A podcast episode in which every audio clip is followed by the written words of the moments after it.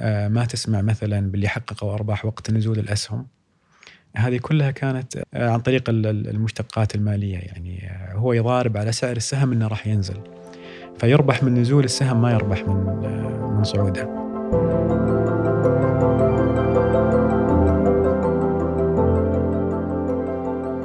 السلام عليكم. هذا بودكاست كفو من جامعة الملك فيصل وأنا عبد الملك الطلحة.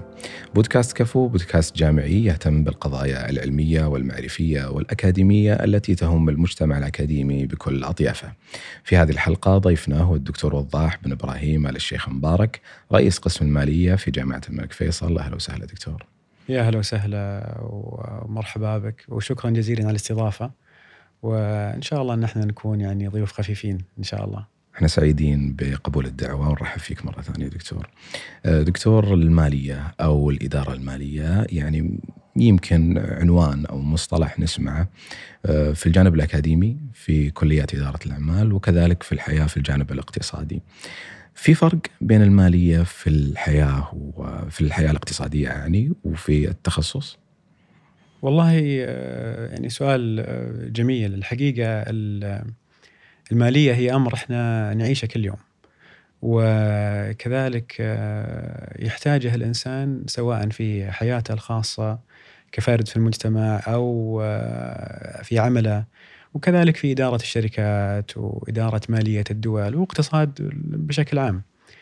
آه، بلا شك يعني الموضوع مهم وممكن يعني نعطيكم بعض الأمثلة، الأمثلة دائما تكون توضح يعني على مستوى مثلا الأفراد بلا شك كل شخص عنده موارد وعنده مصاريف وحاجته للمصاريف وسبحان الله تزداد مع العمر وقدرته على تحصيل الدخل كذلك يقل مع العمر. يعني لو فكرت فيها مثلا بعد التقاعد. صحيح. بعد التقاعد ينقطع تقريبا الدخل آه، إلا من آه، راتب تقاعدي. وفي بعض الحالات يكون أقل من الراتب اللي يتقاضاه الشخص أو ما نقول بعض الحالات ممكن غالب الحالات. و... وإيراد من من استثمار. آه فهذا أمر لابد انه ينظر له مبكرا على مستوى الأفراد، يعني اليوم آه الشاب في مقتبل عمره نشيط عنده آه قدرة كبيرة على العمل وعنده قدرة كذلك على تحمل المخاطر. فمثل هذا الشاب لو دخل في استثمارات يعني أكثر خطورة ما عنده مشكلة. لو خسر جزء ممكن يعوضها. آه، كذلك بعض الاستثمارات خطرة آه، جدا على المدى القصير لو قلنا مثلا الاستثمارات في الأسهم لكنها على المدى الطويل أثبتت إحصائيا أنها تحقق عائد آه، كمتوسط يعني من 8 إلى 10% على حسب السوق اللي تستثمر فيه. فقد تكون مثلا الاستثمارات تحقق عوائد كبيرة مناسبة لمن هم في مقتبل العمر أما من هم قريبين من التقاعد أو تقاعدوا تكون استثماراتهم أقل خطورة و...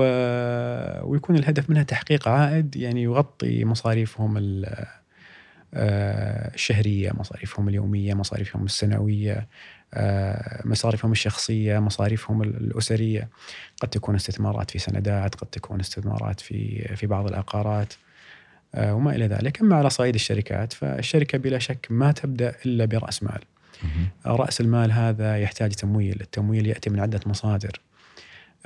قد يأتيك من آه، من أفراد آه، بشكل مساهمة، قد يأتيك على شكل قروض مباشرة، القروض هذه قد تكون قروض مثلا مدعومة من قطاع حكومي أو قروض من البنوك مباشرة.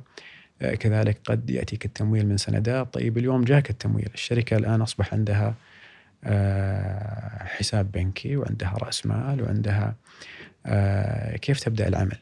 كيف تدير رأس الأموال هذا؟ بما يحقق أكبر منفعة. آه، لكل ريال آه، آه، مستثمر. وبعد ذلك كيف يتم يعني افترضنا الشركة أدت عملياتها بشكل جيد وصار عندها أرباح. الأرباح هذه هل نوزعها على المساهمين بالكامل؟ هل الشركة عندها مثلا فرص نمو مستقبلية؟ نقول نقتطع جزء نحتجز بعض الأرباح بحيث يتم استثمارها.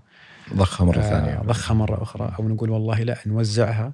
والشركة مثلا وضعها جيد آه نقترض من جديد. يعني بعض الشركات آه مثل ابل وغيرها سنوات وسنوات يعني ما وزعت أرباح.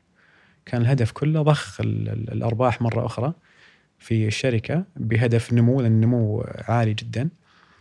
وايش آه موقف المستثمرين؟ يعني موقف المستثمرين الربح يجيهم من ارتفاع قيمة السهم. آه. مع الربح الرأسمالي. فهذه بشكل عام المالية يعني للفرد و طيب لما نتكلم عن الأعمال دكتور إذا اذنت لي لما نتكلم عن الفرد الآن هل المالية يعني تقوم بالدور الوصفي بس ولا هي ممكن تساعده في كفاءة إدارة امواله من خلال يعني إذا كان في أصول ثابتة من خلال الدخل من خلال وجود مشاريع ومن خلال إنه كيف ممكن يصرفها هل تساعده أو مجرد هي تصف له الواقع الموجود؟ والله شوف بلا شك المالية آه، تعين وتساعد. ولعل أهم نقطة أن الإنسان يكون واعي لايراداته ومصاريفه إيش. يعني اليوم مثلا إحنا لما نذهب للتسوق أو توقف حتى في مقهى وفي غيره قد تدفع بساعتك الذكية. صحيح. تدفع بالجوال تدفع بطاقتك. آه، صرف الأموال سهل جدا. آه، بينما في السابق لا أنت كل مرة بتجي تدفع بتفتح المحفظة بتتأكد كم فيها من مبلغ صحيح. بتعد الريالات. يعني كنا نحسبها بشكل جيد. بالمناسبة كان واحد يقول يعني آه، استخدمت الكاش فشفت نفسي أصرف أقل نعم ما من في شك. استخدام ما في شك. تشوفه ينقص. يعني كل ما. فتحت المحفظة تشوفه ينقص. ما, ما في شك. بينما وسائل الدفع الأخرى هي تسهل العملية وكذلك آه، المتابعة تكون جدا بسيطة، المالية اليوم لما تكون واعي لإيراداتك وواعي لمصروفاتك، فقط وعيك آه، سبحان الله يعطيك تصور عن آه، آه، حاجتك ال- ال- المالية آه، الحالية والمستقبلية وكذلك يكون عندك مثل ما تقول تراك ريكورد بناء عليه تبني قرار آه، مالي آه، أفضل. بناء على السجلات يعني ال- ال- المالية اللي بناء على على سجلاتك المالية، بناء على وعيك أنا اليوم كم إيرادي، أنا كم أصرف. آه قد يكتشف بعض الأشخاص انه يصرف مثلا مبلغ آه، ما هو بسيط على أمر بالنسبة له كمالي. بينما لو آه، أحتاج إلى أمر رئيسي وأساسي يقول لك والله أنا ما عندي. فالمالية كذلك ستساعدك حتى في معرفة أولوياتك من ناحية ال- ال- الإنفاق وترشيد الإنفاق وطبعا الماليين يعني المالية ليست سر. والثراء كذلك ما هو سر من الأسرار. آه يعني هي هناك عاملين أنت لابد يكون عندك شيء من الادخار. لابد تدخر جزء من دخلك، تدخل 10%، 20%، 30% على حسب قدرتك. نسمع نصائح متعدده ناس تقول 10 وناس تقول 15 هذا أمر يقدره ما في بأس، لكن هو الفكرة الأساسية أنك تقتطع جزء من دخلك هذا الجزء تلتزم باستثماره بشكل دوري ويكون عندك consistency مهم. استمرارية آه، في استثمارات أثبتت جدواها على المدى الطويل مش القصير آه، لذلك المضاربة دائما مش دائما قد ما تحقق المطلوب منها في في أمور كثيرة سواء كانت يعني مضاربة في سلع ولا في أسهم ولا ايا كانت بس يعني فيها risk كبير يعني بالنسبة للأفراد يعني يمكن. فيها فيها مخاطر. إيه. لكن الاستثمار طويل المدى الاستثمار الاستراتيجي على آه، فترات متقطعة تستثمر مبلغ شهري مثلا آه، خسرت اليوم الشهر الجاي أنت بتدخل بتحقق عائد. والزمن كفيل بأنه يحقق لك عوائد ضخمة آه، اليوم مثلا يعني لو تدخل آه، جوجل ممكن آه، بحسبة بسيطة هناك ما يسمى بالحاسبات الاستثمارية ال investment calculators تعطيك فكرة لو استثمرت مثلا آه، مبلغ آه، آه، مئة ألف ثمانية في المية على مدى ثلاث- 30 سنة لو استثمرت بشكل شهري كم تعطيك. فهذه كلها مؤشرات جيدة. يمكن دكتور لو تكلمنا عن إنه فعلا يكون رأس مال كبير يعني ويكون مثلا من خلال شركة آه، ممكن تكون العوائد فعلا مجدية مثلا 6 أو 8% لكن على مستوى الأفراد ممكن تكون يعني المبلغ المستثمر أقل بكثير. فبالتالي آه، ما نسمعه إنه ما راح يحقق لي عوائد كبيرة جدا. ممكن إنه أدخل في استثمار تقليدي مثلا أفضل من إنه آه، إيش وجهة نظرك؟ آه، بالعكس الاستثمارات التقليدية كذلك ممتازة لكن تحسب مخاطرها. آه، بلا شك اليوم مشاريع الشباب الجديدة آه، وكل أو في في الغالب يعني. جزء كبير منها كان في آه، آه، قطاع ال food and beverage مثلا المقاهي المطاعم في بعضها يحقق أرباح كبيرة. وبعضها بدينا نشوفهم الآن بدأوا يسكرون. آه، فما في شك يعني ال- الاستثمار آه، آه، فيه شيء من الخطورة وفيه شيء من العائد ويحسب حسابه. تقول يسكرون يمكن آه، هل هذا له علاقة بالمالية؟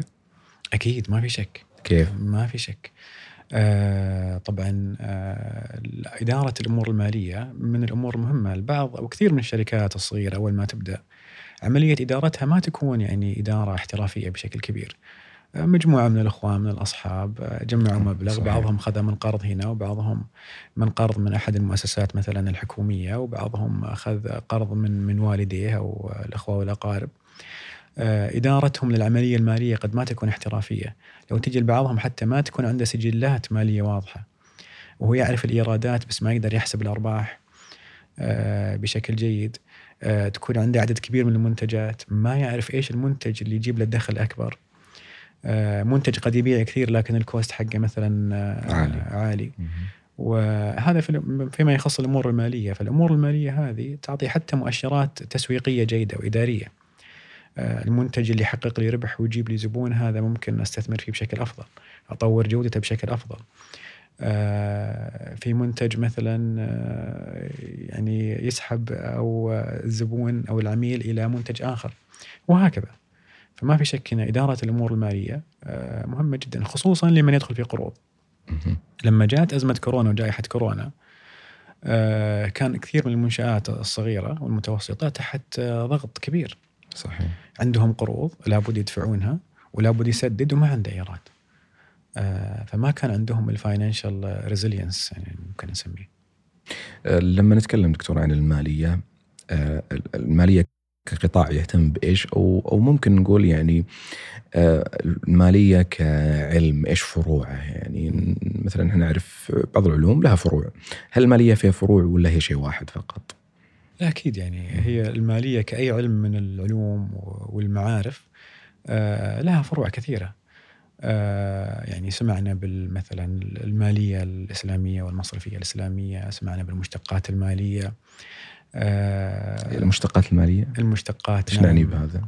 المالية. المشتقات المالية هي عقود أما تكون مثلا عقود خيارات أو عقود مستقبليات. آه، ما تسمع مثلا باللي حققوا أرباح وقت نزول الأسهم.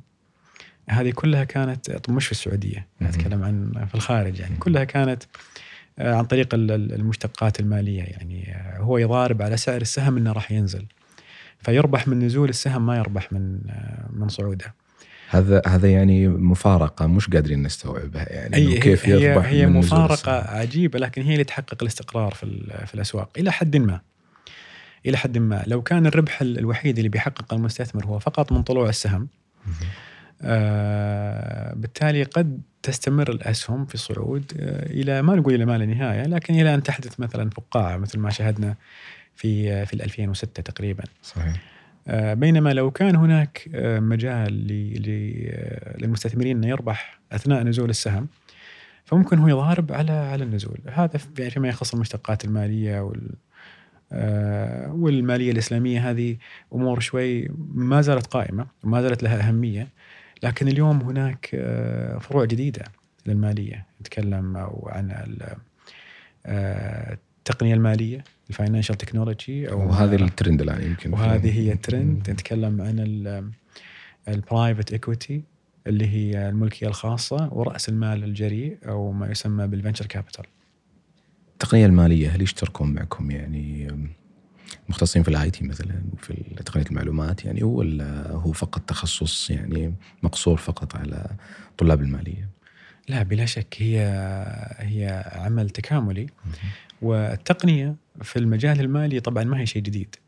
آه يعني يمكن بطاقة الصراف هي جزء من التقنية المالية صحيح نعم كذلك بطاقة الصراف أجهزة الصراف اليوم آه، تطبيقات البنوك اللي نجدها في جوالاتنا هي كلها تقنية مالية لكن ما يقصد بالفنتك حاليا آه، هو توظيف الابتكار في التقنية المالية بحيث تأتي بمفهوم جديد ما كان موجود سابقا.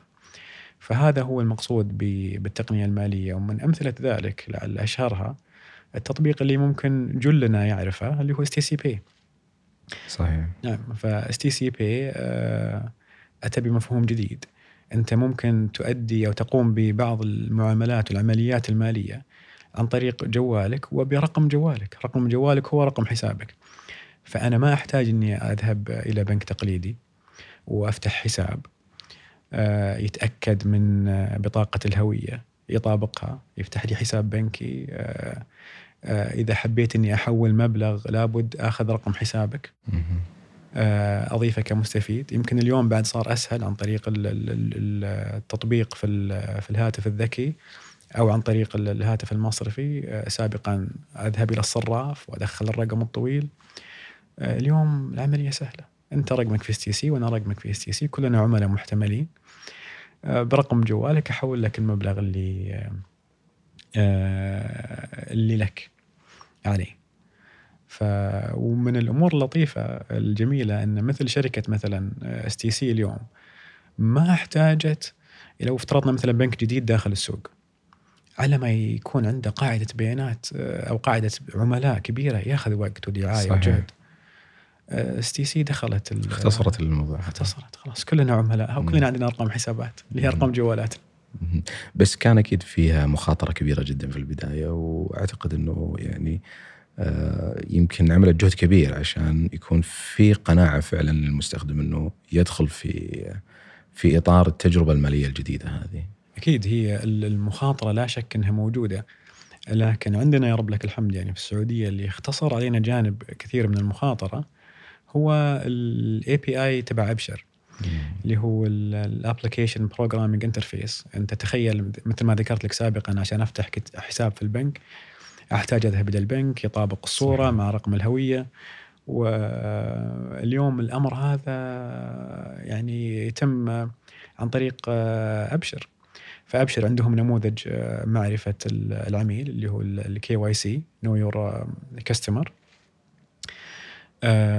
بناء عليه STC متاكد إن أنا الشخص المناسب أو أنا الشخص صاحب الحساب آه، وإنك أنت الشخص صاحب الحساب فأبشر بلا شك أو ال API حق أبشر خلق آه، يعني نقلة نوعية في القطاع المصرفي عندنا في السعودية وفي التقنية المالية تحديدا. فعلا يمكن تجربة الاي بي اي لابشر فعلا مو بس يعني اختصرت سنوات يمكن ضوئية بيننا وبين الكثير من دول العالم اللي ما زالت تعيش في في النظام التقليدي المعاملات الرسمية والحكوميه آه، وهذا مصدر فخر أيضا يعني صحيح. لتجربة المملكة في هذا الإطار. آه، خلني أسألك دكتور لما يعني آه، كنا نحضر الحلقة وندردش مع بعض الزملاء حول المالية يعني البعض يقول لما نسمع المالية نشعر بانطباع أنه في ناس متخصصين ودارسين ومتعلمين في هذا التخصص وإنه صعب للافراد البسيطين إنهم يدخلون في هذا الإطار. أنا أسألك هل المالية لناس مخصصين ولا للجميع؟ والله المالية بلا شك المفروض تكون للجميع. وهي كذلك للجميع اليوم كلنا يدير شؤونه المالية بطريقة آه، اللي هو أعتاد عليها وممكن إنه يزيد من كفاءة إدارته للأمور المالية سواء شؤونه الخاصة الشخصية أو شؤون بيته أو شؤونه في في عمله أو ال business تبعه إذا كان هو آه، عنده business كذلك المالية كشأنها شيء شأن أي أمر آخر من العلوم والمعارف هي تكتسب عن طريق الجامعات وتكتسب كذلك عن طريق يعني البحث. اليوم آه، يعني مصادر التعلم ما هي فقط حصرية على الشهادة الجامعية. آه، بل تجد إن كثير مثلا من التنفيذيين مهندسين وعلماء وما إلى ذلك آه، يتجهون مثلا إلى برامج دورات قصيرة ثلاث أيام أربع أيام خمس أيام مثلا المالية لغير الماليين أو المالية للتنفيذيين. آه، كذلك اليوم مصادر البحث عن المعرفة متاحة للجميع. آه، يعني آه، جوجل بحد ذاته يعني يتيح لك مواقع كثيرة ممكن تستفيد منها وتستسقي منها المعلومة الصحيحة. لكن يظل الأمر في اختيارك للموقع المناسب. اللي دائما يعني يكون معروف بمعلوماته الدقيقة والصحيحة في هذا البحر من بحور العلوم يعني قلنا مثلا المالية. ذكرت دكتور رفع الكفاءة، كيف يعني بالتحديد وحابين مثال واضح. كيف ممكن المالية ترفع كفاءة آه، الأفراد؟ كفاءة الأفراد مثل الأمر اللي تحدثنا ببداية آه، الحلقة. يعني أنت كيف تستثمر آه، آه، لاستثمار يناسب مرحلتك العمرية يعني وتستثمر لمستقبلك. مثل ما تحدثنا عنه يعني في بداية الحلقة يمكن ما أدري ما ودي أعيد مرة ثانية لكن نفس الفكرة. هذا فيما يخص الاستثمار على الصعيد الشخصي أو لكن ممكن المالية كذلك تحقق عوائد كبيرة للشركات. هل هو مجرد يعني إدارة الموارد الموجودة أو إنه يعني يذهب إلى ابعد من ذلك إنه ممكن إنه يدخل في في آه، آه، استثمارات مالية متعددة مثلا إنه آه، ليس استثمار فقط واحد إنه يتجاوز الاستثمار التقليدي. يعني هذا سؤالي بالتحديد نعم. إنه كيف ممكن نرفع الكفاءة بدون النظرة التقليدية الموجودة؟ رفع الكفاءة يتم بلا شك عن طريق المعرفة وزيادة الوعي. أه. متى ما تحقق هناك وعي وكان في زيادة في الوعي بإذن الله تتحقق الكفاءة. آه، مثل ما ذكرنا سابقا تجارب الكثير من الناس مع المضاربة في أسواق الأسهم. هناك عدد بسيط يعني حققوا آه، أرباح. وعدد كبير لا والله حققوا خسائر. وخسائر قد تكون كبيرة. يمكن أنا لي تجربة وقصة مع سوق الأسهم. آه، الكلام هذا كان في 2003 كانت بداياتي الاستثمارية. مبالغ بسيطة 1000 2000 ريال. يعني كنا نجمع مكافآت ذيك الفترة. العلاقة بالمالية قديمة. نعم نعم قديمة. ف وكانت صالات التداول اللي يذكرها في ذيك الفترة أشبه ما تكون بالديوانيات أو المجالس ترى. موجودة في البنوك مجموعة من الأفراد صحيح. يجون الصباح يتقهوون الشاي موجود والقهوة موجودة وأمامهم شاشة, شاشة ويشتري ويبيع. فأذكر دخلنا معهم كان ذاك الوقت السوق يمكن إذا ماني بغلطان 2000 نقطة و3000 نقطة شيء من هالقبيل. آه وكانت خسائر. نضارب نشتري ونبيع وخسائر. فصار فيه سفرة في 2005 يمكن أو 2004 آه سافرنا مع الوالد وسفرة مدتها شهر و40 يوم. وخلاص ابتعدت. رجعت شفت والله المبلغ اللي حاطه تضاعف. ف وكان طبعا بداية اللي هي الفقاعة.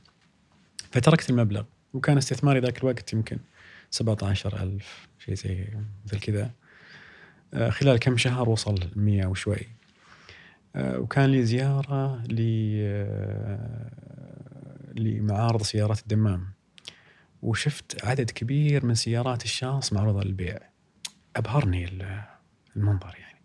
تعرف السيارة الشاص هي وسيلة حياة بالنسبة لمن يعيش يعني في في الهجر وفي كذا و يعني هي وسيلة حياتهم. يعني هذا رزق يعتمد عليها. فشعرت ان في شيء خطأ. يعني قلت هذا بس هذه نهاية الفقاعة. وطلعت من السوق وفعلا بعد أسبوعين تقريبا صار انهيار حسن حظك. اللي حسن حظي. وبناء عليه أو بعده اللي هي أنشئت هيئة سوق المال. لتنظيم العمل في الاسواق المالية. طيب دكتور خليني آه، يعني نتحدث عن نقطة. قبل قليل ذكرت الفنتك نعم ويعني ال fintech يمكن إحنا يعني من خلال تحضير الحلقة إنه محاولة لخلق نماذج عمل جديدة. آه، إيش ال يعني الحيوية في هذا القطاع قطاع ال fintech؟ آه مثلا ذكرت لك STC Pay هذا أحد الأمثلة وكثير الآن من الشركات بدأت تنحو نحوها لو قلنا مثلا آه، موبايلي كذلك عندها تطبيق البنوك التقليدية مثل الراجحي أصبح عندها urpay آه، لكن هناك أيضا يعني آه، منافذ ونوافذ أخرى لل fintech. يعني ليست فقط في تطبيقات المشابهة لل STC Pay. مثلا هناك تطبيقات مثل تطبيقات ال robo advisory أو المستثمر الآلي. فهذه تطبيقات ما تتطلب إنك تذهب إلى بنك ما تتطلب إنك تذهب إلى آه، مؤسسة استثمارية لو قلنا capital آه، ما يسمى بال capital حاليا الراجحي Capital الإنماء Capital جدوى المالية. آه، لا هذه شركة مستقلة شركة اونلاين يقومون طبعا باستخدام API أبشر التوثق بال أو يتوثقون من هويتك وشخصية وكذلك عندهم بعض الأسئلة. الأسئلة هذه تشمل آه، أسئلة شخصية يقيم شخصيتك كيف هل أنت من الناس اللي تتحمل المخاطر أو لا؟ آه، يكون عنده معرفة بالعمر اللي أنت فيه المستوى الوظيفي مستوى الدخل مستوى المصاريف إذا عندك أقساط إذا عندك احتياجات مالية مثلا بعد خمس عشر أو عشرين سنة إيش تفكر فيه في التقاعد. فبناء على هالمعلومات هذه اللي يجمعونها منك تصاغ لك محفظة استثمارية مناسبة. متنوعة يعني لكل شخص؟ لكل شخص. وانت جالس على يعني كنب مريح مثل هذا في بيتك آه، تكون أو يتم عمل محفظة استثمارية مفصلة لك ولاحتياجك هذا سابقا ما كان يتم إلا لعملاء خاصين. أه. وأصبح الآن متاح للجميع. الآن متاح للجميع. ويعني هناك مثلا سقف معين للمبالغ أو يستطيع الشخص إنه يدخل المبالغ. أظن الحد الأدنى عندهم ألف ريال. يعني شركات كثيرة الحد الأدنى آه، ألف ريال. وهناك كذلك آه، شركات أخرى. طبعا هذا فيما يخص الأفراد. لكن المؤسسات المتوسطة والصغيرة سابقا مثل ما ذكرنا الحصول على التمويل بالنسبة لها ما هو سهل. إما عن طريق الأهل والأصدقاء أو عن طريق قروض شخصية مثلا من البنوك. إذا الشركة أكبر شوي ممكن تأخذ قرض من البنك باسم الشركة. آه، أما الصكوك ما تكون عادة للشركات الكبيرة. اليوم تطبيقات ال financial technology ال fintech آه، هناك آه، وسائل لتمويل الشركات المتوسطة آه، عن طريق الصكوك. ومن أمثلتها مثلا شركة الصكوك المالية موجودة عندنا في السعودية. ومن اللطيف أن يعني اللي يدخل على موقعهم تشوف والله الشركة مثلا تحقق عائد نسبيا جيد. لكن نضيف أن دائما العائد يعني is a function of risk. على قدر الخطر يكون العائد. فالشركات الصغيرة والمتوسطة آه، بلا شك أن سنداتها تكون أكثر خطورة.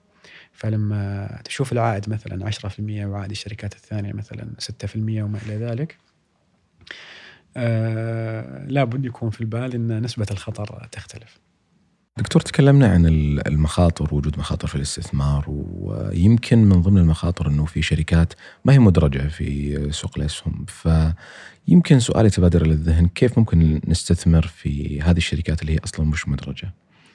آه، جميل. يعني سوق الأسهم السعودي اليوم فيه ما يقارب أو أقل من 300 شركة. آه، بينما المملكة فيها أكثر من مليون سجل تجاري. فما في شك إن هناك يعني فارق كبير ما بين الشركات المدرجة وغير المدرجة. آه والشركات غير المدرجة في شركات جدا صغيرة. وفي شركات كبيرة يعني الشركات الصغيرة الاستثمار فيها غالبا يكون عن طريق صناديق رأس المال الجريء ويسمى بال venture capital لأن فيها مغامرة جدا ضخمه. الشركات اللي أكبر شوي وعندها تدفقات نقدية ثابتة وعندها قاعدة عملاء جيدة وعندها ثبات في المبيعات وثبات في العمليات آه، وما هي مدرجة فهذه تسمى بال private equity أو الملكية الخاصة والاستثمار فيها يكون عن آه، أو بطريقتين إما طريقة مباشرة مستثمر مثلا كبير أو family office اللي هي آه، مؤسسة أو شركة استثمارية خاصة بعائلة واحدة ما يسمى بال family office أو صناديق آه، استثمارية. طبعا الصندوق الاستثماري يحقق آه، فائدة والاستثمار المباشر يحقق فائدة أخرى في الشركات الملكية الخاصة. آه، الصناديق الاستثمارية أهم مزاياها اللي هو توزيع الخطر. أنا اليوم كمستثمر إذا أضع مثلا كل البيض في سله واحدة أو أضع جل مثلا استثماراتي في الملكية الخاصة في شركة واحدة، الشركة هذه لو حققت أرباح أو ربح كبير راح أنا أربح ومبالغ طائلة. لكن لو خسرت أنا بتكون خسارتي جدا كبيرة. بينما الأفراد اللي عندهم ملاءه إنه يدخل في شركة وش ثنتين وثلاث لا بيكون العائد للمخاطر كنسبة وتناسب بالنسبة له آه، أفضل. إذا كنت فهمتك بشكل صحيح إنه صناديق الاستثمار تنوع مصادر الاستثمار. صناديق الاستثمار آه، تنوع مصادر الاستثمار، تستثمر في عدد كبير من الشركات. آه، قد تكون خمس ست عشر عشرين ثلاثين شركة على حسب حجم الصندوق الاستثماري وهذا يقلص المخاطر يقلص المخاطر أنه آه، إذا أحد الشركات خسرت الخسارة هذه توزع على الشركات الرابحة فأنت في نهاية المطاف شركات أو صناديق الملكية الخاصة تستهدف ما يقارب العشرين في المية كعائد سنوي. كذلك يعني تساهم في استقرار العائد السنوي يعني. نعم طبعا هي تستهدف ربح 20% صناديق الملكية الخاصة في الغالب آه، استثمارها في الشركات. طبعا الشركات زي ما قلنا الشركات اللي نموها أصبح ثابت و آه، وما هي شركات جدا صغيرة. مين يقيم النمو الثابت هذا؟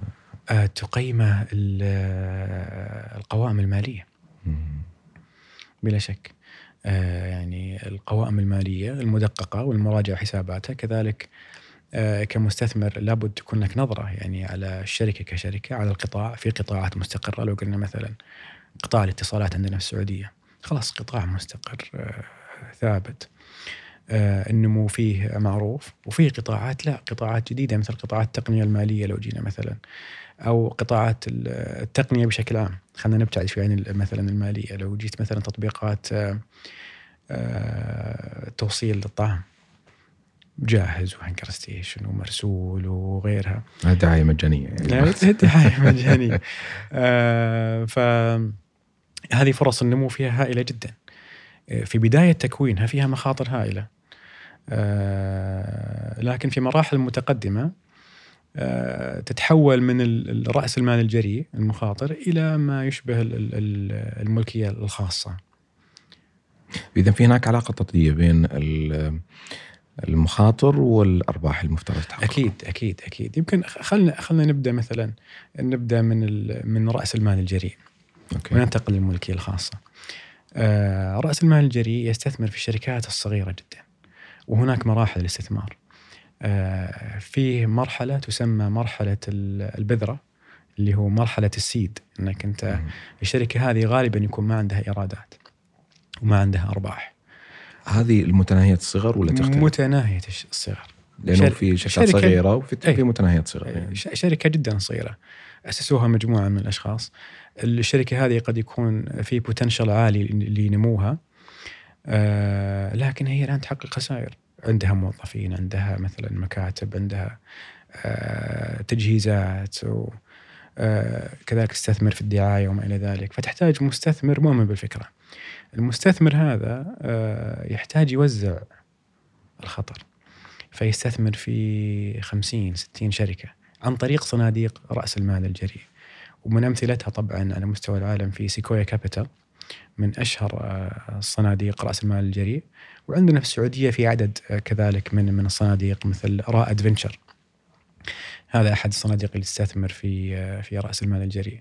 فهذه مثل ما تقول stage 1 آه، فيه دورات استثمارية أو جولات استثمارية تجي بعدها. مرحلة النمو.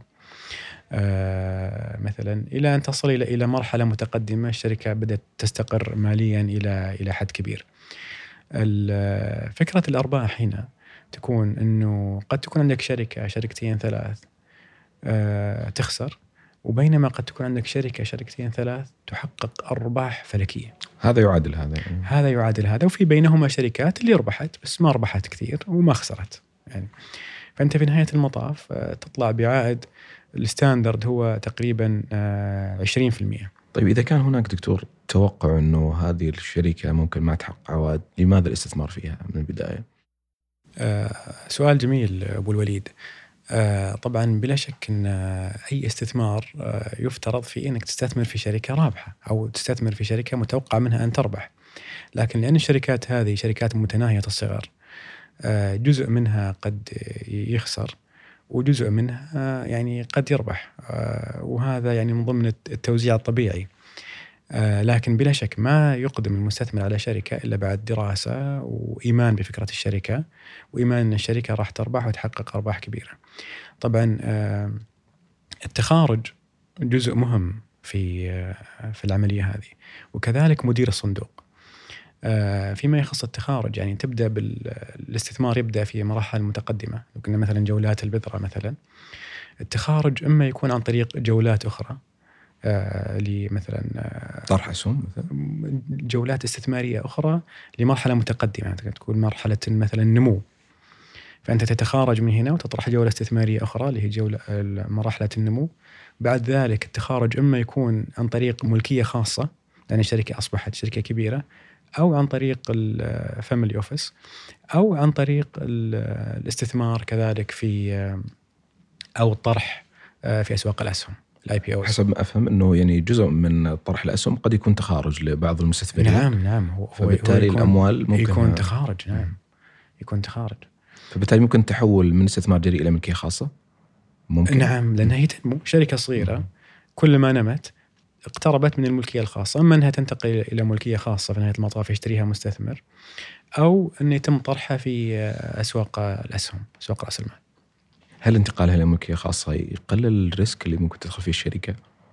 هو انتقالها للملكيه الخاصة أو ممكن تنتقل إلى يعني stage أعلى أي. في ال risk لا هي طبعا الشركة لما تنتقل للملكيه الخاصة آه، وتستثمر فيها صناديق الملكية الخاصة أو يستثمر فيها المستثمرين أو ال family offices في آه، يعني تستثمر فيها كملكية خاصة بلا شك هي بيكون more stable تدفقاتها النقدية بتكون فيها ثبات أكثر آه، فيها ثبات في المبيعات آه، وبالتالي الخطر بيكون آه، أقل ولها قاعدة عملاء بتكون كبيرة ومعروفة. آه، وهنا نجي إلى كيف ممكن تحقق عائد اللي هي صناديق الملكية الخاصة. قلنا الآن العائد الأكبر يجي من من الشركات الفنتشر كابيتال انها شركة صغيرة وتنمو تكبر تكبر صحيح. تكبر فيصير فيها عائد رأس مالي وعائد من ناحية الإيراد. بالنسبة للشركات الملكية الخاصة آه، هي شركات يعني إيراداتها وأرباحها ما تختلف كثير عن الشركات الجيدة اللي في أسواق الأسهم. لكن ال- ال- القيمة المضافة فيها تجي من أمرين، الأمر الأول أن قد تشتريها شركة آه، يكون بينهم آه، تكامل اقتصادي سينرجي مثال؟ آه، مثال آه، مو شرط شركة أسماء شركات من السوق بس مثلا يعني انه تكامل بين شركتين. ممكن أنا أعطيك مثلا بعض الأمثلة يعني يمكن يعني بدون أسماء لو قلنا مثلا شركة مثلا أو احد وكلاء السيارات يستثمر آه، في شركة لتأجير السيارات أها. هذا نوع من ال synergy. آه، فيه طبعا من قصص النجاح الكبيرة واللي كونت آه، أو كان لها سمعة كبيرة في تكوين آه، اسم كبير لشركات عالمية لامعة اللي هي شركة بلاك ستون آه، صفقتهم مثلا مع هيلتون فنادق هيلتون. هم اشتروا فنادق هيلتون ك- كسلسلة آه، وطوروا نموذج العمل بشكل كبير. آه، وبالتالي حققوا آه، يعني آه، أرباح كبيرة وبعد ذلك بيعت الشركة إلى مستثمرين آخرين اللي هي الهيلتون. فيها دكتور يعني يمكن قطاعات موجودة ومستقرة لكنها ما دخلت مرحلة يعني لا الاستثمار الجريء ولا بعد ذلك مرحلة الملكية. يعني نضرب مثال بسيط جدا مثلا قطاع أه، التنظيف. قطاع مثلا اللي من ضمنه مثلا مغاسل الملابس وغيرها. و... إلى الآن ما نشوف إنها دخلت المرحلة هذه. يعني آه، برضو نماذج أخرى مثلا آه، قطاع خدمات السيارات ال- الغسيل وغيرها. إلى الآن ما دخلت آه، يعني مرحلة انه إنه يكون فيها استثمار ويكون فيها في رأيك ليش القطاعات هذه اللي مم يعني عليها إقبال وهناك استقرار وهناك حاجة لكل ال- الجميع بينما نجد تجارب مثلا أخرى آه، في دول مجاورة لا إنه دخلت مر... هذه المرحلة وتطورت وأصبحت يعني هناك شركات أصلا يعني تنافس على ال... كنا قبل هذا نشوفها مثلا في قطاع نعم. الصيدليات الآن أصبح لا مختلف الوضع تماما في قطاع الصيدليات آه، أنت شايف القصور وين؟ هو إن شاء الله ما في قصور لكن هي آه، يعني نموذج اقتصادي آه، الشركات اللي ذكرتها في الغالب إدارتها تكون يعني إدارة يعني محلية واداره يعني حتى في الدول ال- مثلا الغربية تجد مثلا آه، عائلة آه، قد مثلا تدير مطعم.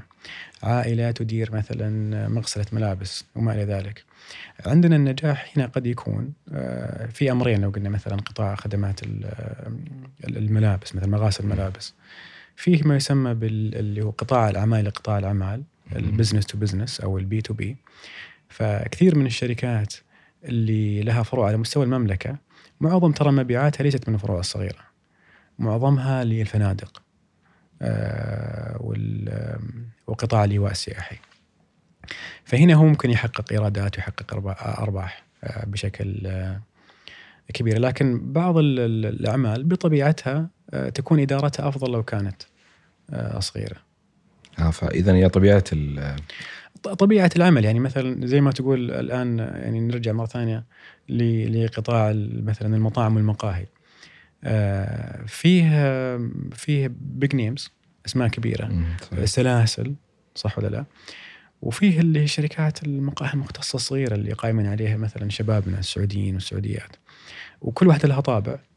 آه، صعب إن آه، الشركات الصغيرة هذه تتوسع توسع كبير. لكن مع ذلك هناك قصص نجاح إحنا شفناها. وترجع مرة أخرى لحسن الإدارة وضوح الاستراتيجية. آه، الاستراتيجية في المبيعات الاستراتيجية في التسويق وبلا شك الاستراتيجية المالية وإدارة الموارد المالية. واستفادتهم من آه، أنماط التمويل الجديدة. نجينا مثلا للرأس المال الجريء آه، كذلك الكراود فاندنج اللي هو التمويل الجماعي.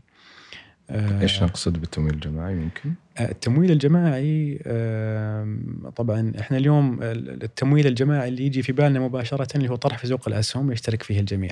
أنا هذا اللي جاء في بالي. هذا اللي جاء في بالك مباشره، لكن هذا لو مرة أخرى نعود كم شركة اليوم موجودة في السوق؟ تقريبا أقل من 300 شركة. آه، الطرح له شروط وله ضوابط وله تنظيمات وله تشريعات تضعها هيئة السوق المالية.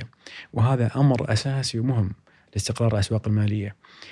لكن آه، في بعض الشركات تكون أصغر آه، في لها فرص نمو بوتنشل نمو عالي آه، ما يمكن طرحها في أسواق الأسهم. قد يكون لعدة أسباب. قد يكون بعضها مثلا رأس المال المشترط يعني سوق الأسهم يشترط مبلغ بالملايين يعني إذا ما كنت غلطان 10 و20 مليون كرأس مال حتى يتم إدراج الشركة في سوق الأسهم. في سوق الأسهم. بينما ال crowdfunding آه، اليوم معظم الشركات يجمع من اصحابه من اصدقائه ما إلى ذلك. فتخيل أنت في منصة آه، الاشتراك فيها قد يكون مثلا ألف ريال. آه، أنت بالنسبة لك كمستثمر تشوف والله القطاع هذا قطاع واعد. الشركة هذه مثلا أو لو قلنا مثلا من المقهى مثلا المقهى هذا جيد يبغى يتوسع. ويبغى يسوي طرح خاص يكون عن طريق التمويل الجماعي لل crowdfunding دكتور يعني أشرت إنه 300 شركة مدرجة الآن في نعم. سوق الاسهم ومليون سجل تجاري. هل هذا normal؟ أه أتصور نعم يعني إذا قارنت بحجم الاقتصاد السعودي نتوقع طبعا أو نتمنى انه يكون أكثر وأكبر. والسوق الآن يعني آه، ينمو من ناحية العمق وعدد الشركات. ولا سيما طرح عدد كبير من الشركات الكبرى يعني مثلا شركة أرامكو وبعدين ما تمر شهرين ثلاث اللي نسمع بطرح شركة شركتين في أسواق الأسهم كذلك وجود السوق الموازي. آه، كلها بلا شك إنها مؤشرات يعني إيجابية. آه، وكلما زاد عدد الشركات لكن نقول الشركات الجيدة أيضا التسرع في إدراج الشركات وما يترتب عليه من خسائر آه، يعني بعض الأفراد أيضا هذا شيء سلبي. يعني في فترة من الفترات شاهدنا آه، بعض الشركات اللي تم طرحها ودخلت أسواق الأسهم وحققت آه، يعني خسائر. حتى أنه سعر السهم أصبح أقل من قيمة الشراء. أقل من قيمة نعم من قيمة الطرح. من قيمة الطرح صحيح. دكتور هل ممكن نختصر مستقبل المالية في الفنتك ولا المستقبل المالية أكبر من الفنتك بكثير؟ والله مستقبل المالية يعني كأي علم من العلوم بلا شك أنه أكبر من ال financial technology وأكبر من رأس المال الجريء وأكبر من الملكية الخاصة وأكبر من المشتقات المالية.